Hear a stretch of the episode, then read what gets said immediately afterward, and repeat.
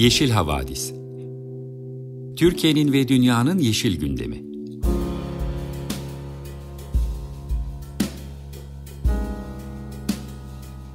Hazırlayan ve sunanlar Demet Yaman Er, Savaş Çömlek, Dilan Altın Makas, Sare Abit ve Tansu Yeşilkır.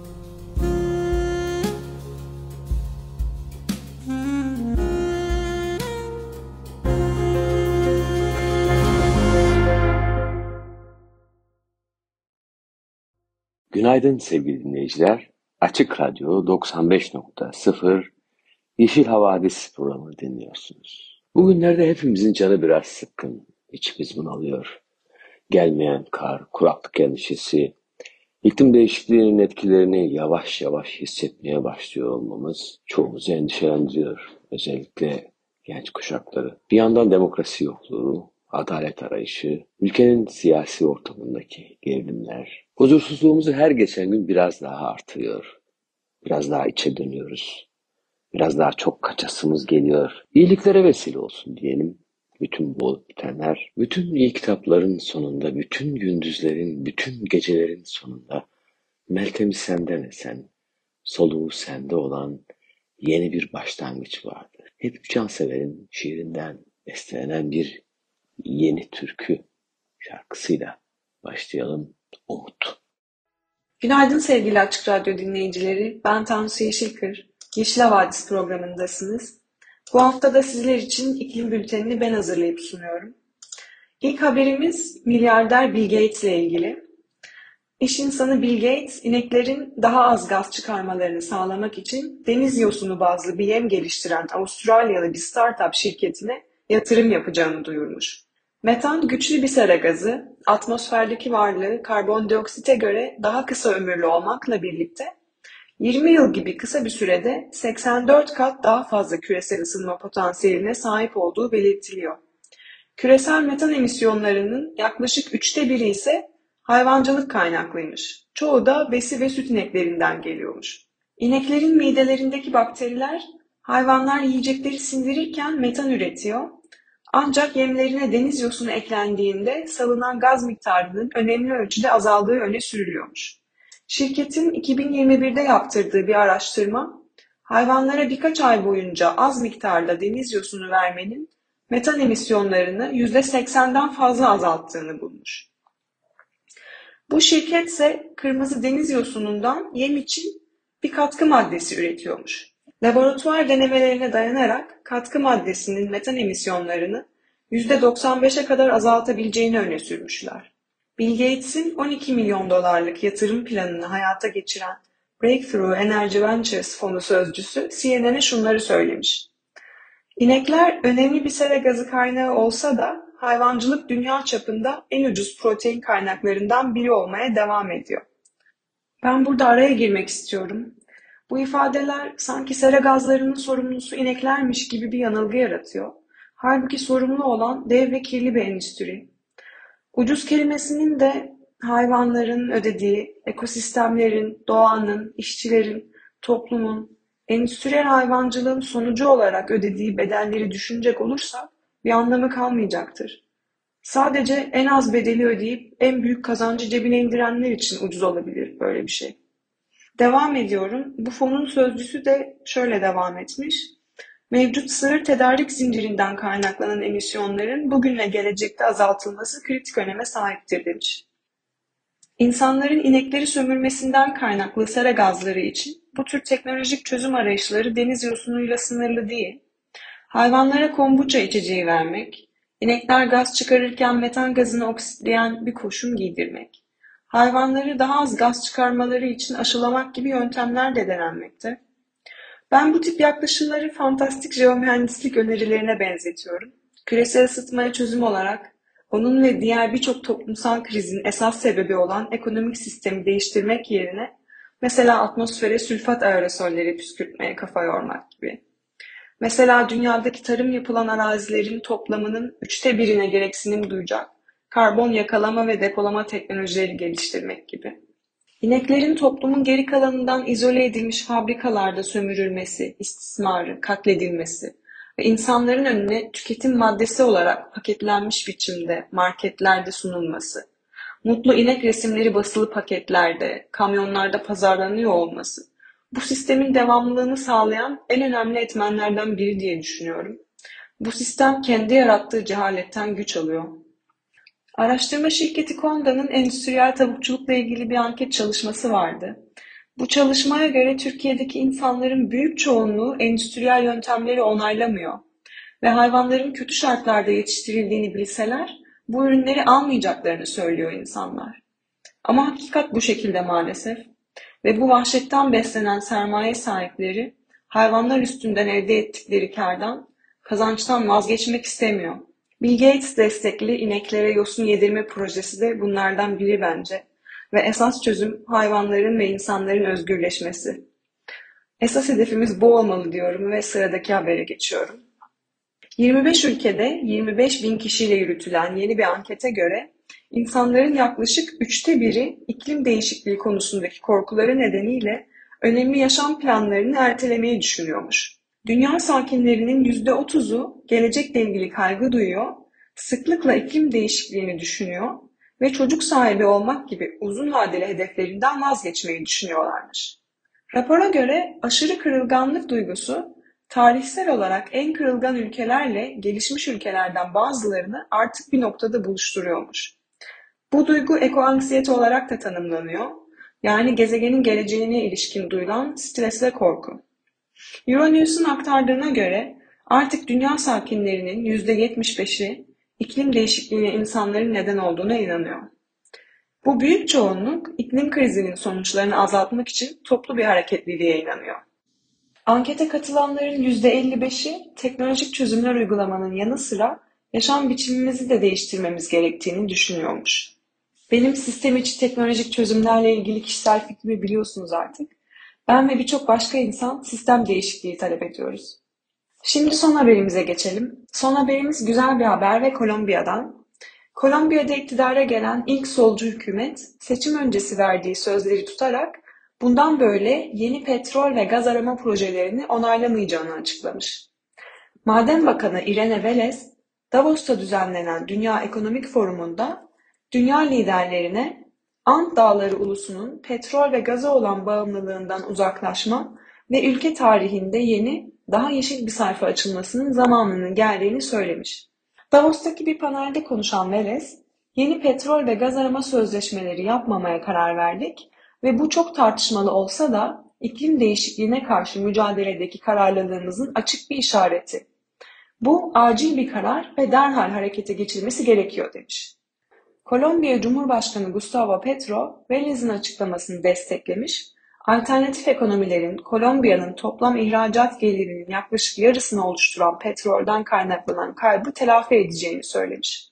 Şöyle demiş Cumhurbaşkanı Gustavo Petro, ülkenin güzelliği, temiz enerji üretme kapasitesi ve potansiyeli göz önüne alındığında turizme güçlü yatırımın kısa vadede fosil yakıtların bıraktığı boşluğu mükemmel bir şekilde doldurabileceğine inanıyoruz. Bu açıklamalara çeşitli eleştiriler de gelmiş. Kolombiya Petrol Mühendisleri Derneği eski başkanı Julio Cesavera, Kolombiya'nın temiz enerjiye geçmesi gerektiğini ancak altın yumurtlayan kazı öldürmeden yapması gerektiğini söylemiş. Çevre uzmanları da kararı Amazon yağmur ormanlarında ormansızlaşmaya yol açan sığır çiftlikleri ve sürdürülemez tarım gibi ülkenin temel çevre sorunlarının ele alınmadığı gerekçesiyle eksik bulmuş. Benden bu haftalık da bu kadar. Sizlere bu hafta bir ABBA klasiğinin caz yorumunu seçtim. Judith Nyland'dan. Money Money Money. İyi haftalar, hoşçakalın. Herkese merhabalar, güzel pazarlar ve iyi sabahlar diliyorum hepinize. Ben Dilan Altınmakas. Bugün ekoloji bültenini sunacağım sizlere. İlk haberimiz Simpaş'ın Marmaris Kent Konseyi Yürütme Kurulu üyesi ve çevre aktivisti Halime Şaman'a açtığı dava ile ilgili. Kendisi bir ay kadar önce Yeşila Vadisi'nin söyleşi köşesinde konuğumuzdu. O söyleşide Akbelen Ormanı ile ilgili konuşmuştuk. Belki hatırlayanlarınız vardır. Simpaş sürecini hatırlayacak olursak, Simpaş'ın Marmaris Kızılbük koyundaki yapımına devam ettiği Resort Otel ve Devre Mülk projesiyle ilgili 30 Aralık'ta bilirkişi keşfi yapılmıştı. Projeye 27 Temmuz'da başlayan ve 8 Ağustos'a kadar devam eden orman yangınları söndürüldükten 5 gün sonra Muğla Valiliği tarafından ÇED gerekli değildir kararı verilmişti. Marmaris Kent Konseyi, Simpaş Geo'nun içmelerde yürüttüğü projeye verilen ÇED gerekli değildir kararının iptali için dava açmıştı. Proje sahibi inşaat şirketleri Simpaş ve Kızılbük, Halime Şaman'a şirket haksız rekabet iddiasıyla 300 bin liralık tazminat davası açtı. Marmaris Kent Konseyi açıklamasında yaptığı açıklamalar nedeniyle hakkında dava açılan Halime Şaman'ın tazminat davası tehdidiyle susması, böylece kentte meydana gelen çevre felaketinin halktan gizlenmesinin amaçlandığı belirtildi. Dünyanın birçok yerinde çevre aktivistlerine karşı bu şekilde yıldırıcı birçok eylem yürütülüyor ne yazık ki. Ara ara söyleşilerimizde çevre aktivisti konuklarımıza yer veriyoruz ve aslında onlarla olan söyleşilerimizde bu mücadeleleri esnasında nasıl zorluklar yaşadıklarını daha da iyi anlıyoruz. Bir sonraki haberimizin başlığı şu şekilde. Silifke'deki Cennet Tisan koyuna bin villalık inşaat. Mersin'in Silifke ilçesindeki Tisan Koyu'nun yapılaşmaya açılmamış doğal alanlarına Mersin Büyükşehir Belediyesi'nin AK Parti ve MHP'li üyelerince bin villalık inşaat onayı verildi. Şirket inşaat çalışmalarına başlarken CHP Silifke İlçe Başkanı Uçar, Tisan Yarımadası'nda yürütülen inşaat faaliyetleri sırasında yapılan kazıdan çıkan malzemelerin kaçak bir şekilde dere içlerine gelişi güzel döküldüğü bildirilmiştir. Faaliyetleri yürüten firma kıyı kanunu ve ilgili mevzuatları hiçbir şekilde dikkate almayarak başına buyruk bir şekilde hepimizin gözleri önünde bir doğa katliamı gerçekleştirmektedir, dedi. 1970'li yıllarda bir bölümü ordu mensupları için yapılaşmaya açılan ancak kalan bölümü korunan Tisan koyunun el değmemiş Batı Yarımadası da 40 yıl sonra benzer akıbeti yaşayacak maalesef. Diğer bir haber başlığımız Tüm tepkilere rağmen Uludağ Alan Başkanlığı resmen kuruldu. Vatandaşların talan başkanlığı olacak tepkilerine rağmen Uludağ Alan Başkanlığı hakkında Cumhurbaşkanlığı kararnamesi resmi gazetede yayımlandı. AK Parti Cumhurbaşkanı Recep Tayyip Erdoğan'ın imzasıyla yayımlanan kararnamede Uludağ Alan Başkanlığı'nın görev alanı ve yetkileri düzenlendi. Peki bu ne demek? 1961 yılından bu yana milli park olan Uludağ, mevcut statüsünden çıkarılarak yeni kurulacak olan alan başkanlığına devredildi. Milli park sınırları içinde tek yetkili olan Tarım ve Orman Bakanlığı'nın yetkileri Kültür ve Turizm Bakanlığı'na devredildi. Ekosistem üzerinde önemli bir tehdit olan yapılaşma, imar gibi her türlü kararı vermek bu başkanlığın yetkisine alındı. Vatandaşlar ve çevre örgütleri haftalardır kararın çıkmasına karşı bir direniş halinde ve tepkilerini hem sokakta hem de sosyal medyada defalarca dile getirdiler. Change.org'da kanun teklifine karşı açılan kampanyaya ise 18 binin üzerinde kişi imza attı. Metinde Uludağ'ın statüsünün değiştirilerek imar alanlarının genişletileceği savunuldu. Kampanyada talan başkanlığının ne olduğunu birinci derece arkeolojik ve doğal sit alanı Kapadokya'ya yapılan yoldan biliyoruz denilmişti. Bölgenin olağanüstü bitki örtüsü 96'sı ülke çapında nadir toplam 791 taksondan oluşuyor. Önemli bir yaban hayatı popülasyonuna sahip olan Uludağ, aralarında sakallı akbaba ve kaya kartalının da bulunduğu Türkiye'nin önemli kuş alanlarından biri. Bu haftanın öne çıkan başlıkları bu şekildeydi. Benim size sunarken keyif alacağım, sizin de dinlerken keyif alacağınız haberlerin geldiği zamanları iple çekiyorum diyebilirim. Bültenimizi kapatmadan önce Tuatana'dan Angst sizlerle. Sevgili dinleyiciler Açık Radyo 95.0 Yeşil Havadis programı dinliyorsunuz. Programımızın söyleşi köşesinde bugün gündemle ilgili bir konuyu konuşacağız. Spot'tan spot çalışanı Oğulcan Yediveren'le konuşacağız. Siyasal çalışmalar biriminde çalışıyor Oğulcan. Oğulcan'la bugün daha çok AKP'nin yeni anayasa teklifini görüşmek istiyoruz.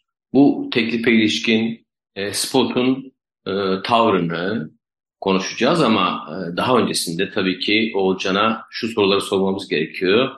E, Spot nedir? hangi konularda çalışır, sivil toplum alanındaki e, varoluş sebebi nedir? Önce bir Oğulcan'dan onu dinleyelim. Oğulcan öncelikle hoş geldin. Hoş bulduk Savaş. O zaman senden e, hem kendinle ilgili hem spotla ilgili kısa bir giriş yapmanı isteyerek başlayalım söyleşimize. Tabii e, Spot e, derneği kısaltma adı, tam adı Sosyal Politika, Cinsiyet Kimliği ve Cinsel Yönelim Araştırmaları Derneği. E, 2011 yılında kuruldu Spot. O tarihten beri de LGBT artı hakları için e, sivil toplum alanında çalışmalar yürütüyor. E, çalışmalarını genel olarak biz böyle iki alanda e, yoğunlaştırıyoruz. Bir e, hizmet sunumu, bir tanesi de savunuculuk. Ee, yani hizmet sunumu burada tabii ki daha hak temelli bir yerden bakıyoruz. Hani e, doğrudan insanların işte var olan tüm ihtiyaçlarını karşılamaktan ziyade hizmet verdiğimiz alanlarda modeller oluşturabilmek. Böylece de e, devlete örnek olabilmek için e, bu çalışmaları yürütüyoruz. E, mesela bir danışma hattımız var. Orası haftada 5 e, gün çalışıyor şu an ve işte e, LGBT artı arıyorlar. Askerlik muafiyet süreci olsun, cinsiyet uyum süreci olsun ya da e, çevrelerine ve ailelerine açılma süreçlerinde yaşadıkları duygusal zorluk olsun vesaire. E, bu alanlarda psikolojik, hukuki ve akran desteği veriyoruz. Ve aslında bunun dışında sunduğumuz başka hizmetler de var. E, bu sunduğumuz hizmetlerden topladığımız veriyle de e, sahayı öğrenerek, ihtiyaçları görerek savunuculuk yapıyoruz aslında. Karar alıcıları üzerinde baskı yaratmaya e, ve legality kapsayıcı politikalar oluşturmalarını mümkün kılmaya çalışıyoruz. E, ben de siyasal katılım alanında çalışıyorum Spot'ta. Daha çok savunuculuk ayağını aslında yapıyor oluyorum böylece. Bu şekilde tanıtabiliriz Spot'u ve kendimi. Teşekkür ederiz Oğulcan. Ben izleyicilerimize kısaca gündemimizi bir hatırlatmak istiyorum. E, bildiğiniz gibi muhalefetin lideri, Altılı Masa'nın lideri Kemal Kılıçdaroğlu'nun e, Anadolu gezilerinde kanaat önderlerinden edindiği e, bilgiler çerçevesinde başörtüsü meselesiyle ilgili hassasiyetleri ortadan kaldırmak için meclise sunduğu bir yasa önerisi vardı. Bu yasa önerisi daha sonra e, Cumhurbaşkanı Tayyip Erdoğan ve AKP yönetimi tarafından bir anayasa değişikliğine dönüştürüldü. Anayasa değişikliği başörtüsüyle ilgili bir anayasa değişikliği önerisi oluştu. Fakat bu o, anayasa değişikliğinde e, son zamanlarda hükümetin LGBTİ plus bireylere karşı sürdürdüğü bir e, negatif kampanya var. Ve genel olarak sivil toplumun temel düşüncesi, genel görüşü hakların e, oylanamayacağına ilişkin, temel hakların oylanamayacağına ilişkin. Spot'un bu konudaki tavrını, bu olaya bakışını öğrenmek istiyoruz. Bu mevzuya nasıl yaklaşıyorsunuz? E, belki de bu konuda bir kampanya yürütüyorsunuz, öyle anlaşılıyor. Bu kampanyanın e, ayakları e, neyin üstüne oturuyor, ne yapmayı düşünüyorsunuz? Topluma bir çağrınız var mı? Önce bu şekilde başlayalım istersen. Tabii e, biraz bu anayasa teklifinin e, neye benzediğinden bahsetmek istiyorum. Anayasanın 41. maddesine e, bir hüküm sokmak istiyorlar. Yani başörtüsü tartışması yani başörtüsünün eklendiği başka bir madde var ama bizim daha çok kampanyamıza odakladığımız yer diğer madde. Yani anayasanın 41. maddesine e, yapmak istedikleri eklemeyle ilgili. E, bu eklemede de e, ev evlilik kurumu sadece kadın ve erkeklerden oluşur gibi bir ibare koymayı hedefliyorlar. Bu anayasa teklifinin gerekçesinde de yani evliliği kadın ve erkekten oluşur hükmünün oraya yazılmasının sebebi olarak, gerekçesi olarak da aileyi yıkabilecek sapkın akımlara karşı korumak için gibi bir ibare geçiyor. Aslında biz bunu e, 2015 yılından itibaren sıkça AKP'li yetkililerin ağzından duyduk. Yani LGBT artıların aileyi yıkacağı e, gibi e, suni bir korku pompalanmaya çalışılıyor. E, ve bunun artık anayasa düzeyinde tartışıldığını görüyoruz. E, ve yani muhalefet partilerinin de bu konuyu e, sıkça böyle şey basit bir kanun değişikliği e, ya da işte şey e, seçim gündemine ilişkin hani seçim kim kazanacak ya da bir seçim kampanyası malzemesi olarak e, tartışıyorlar bunu. Ama aslında biz gerçekte yaşananın bundan çok daha fazlası olduğunu biliyoruz. Dediğim gibi 2015'ten beri LGBT artılar üzerinde artan bir baskı var ve hükümetin kutuplaştırıcı dilinin te- temel öğelerinden biri haline dönüştü LGBT artılar. Daha doğrusu aileye karşı LGBT ve yani e, biliyorsunuz anayasalar toplumsal mütabakat metnidir. E, AKP oraya bir yasa önerisi yapıyor. Bizlerin sapkın olduğu gerekçesiyle e, bu anayasa önerisini oraya koyuyor. E, ve muhalefet partilerinden buna dair hiçbir itiraz göremiyoruz. Yani günün sonunda e, aslında mecliste hayır oyu verseler bile e, bu, buradaki LGBT artılara karşı üretilen söylemle ilgili hiçbir söz etmedikleri için e, yaşanan şey şu oluyor. E, AKP'nin LGBT artılar hakkında söylediği, ortaya attığı söylemlerin meşrulaşması. Çünkü e, bizim hakkımızda istediği gibi konuşabiliyor ama itiraz eden kimse yok. Bu sessizlik aynı zamanda bir meşrulaştırma aracına da dönüşüyor AKP için. Dolayısıyla biz her zaman şunun altını çizmeye çalışıyoruz. Bu sadece basit bir kanun teklifi değil. E, bu nasıl bir toplumda yaşayacağımızı, nasıl birlikte yaşayacağımızı, bundan sonrasında Türkiye'nin nasıl bir yere doğru gideceğini e, belirleme potansiyeli olan e, bir tartışma. Aslında biz Türkiye'nin geleceğini e, biraz tartışıyoruz bu anayasa teklifi üzerinden. E, ama siyasetçiler maalesef bunu görmemekte ısrarcılar. E, ve bunun sebebi de e, işte kendileri hayali olarak e, kurgulanmış bir muhafazakar seçmenin hatta AKP'nin kurguladığı bir muhafazakar seçmenin e, oyunu alma çabasıyla e, buradaki hak vurgusunu e, yapmıyorlar. Bizlerin hakkını açıktan savunmuyorlar. E, günün sonunda aslında şu oluyor ya sokağa yansıması şu oluyor. E, iyi LGBT artılara zaten her şey söylenebiliyor. Bunlar da sapkınlar. Bizim ailemizi yıkmak istiyorlar. Biz de onlara istediğimizi yapalım. E, ve biz şunu gördük. Saraçhane'deki işte LGBT artı karşıtı nefret mitinginden sonra danışma hattımızda bir önceki yılın aynı e, tarihine göre yüzde 240 daha fazla e, danışmanlık e, isteği geldiğini gördük. Bu da e, aslında şunu söyle, söylüyor bize. E, bu mitinglerin e, LGBT artılara karşı e, işlenen ayrımcılık e, suçlarının arttığını, hak ihlallerinin arttığını gösteriyor bu danışmanlıkların artması demek. Yani biz seçime bekleyebilecek bir e, durumda değiliz. Çünkü e, burada bir yaşam mücadelesinden bahsediyoruz. E, ve bu bekleyebilecek bir şey değil.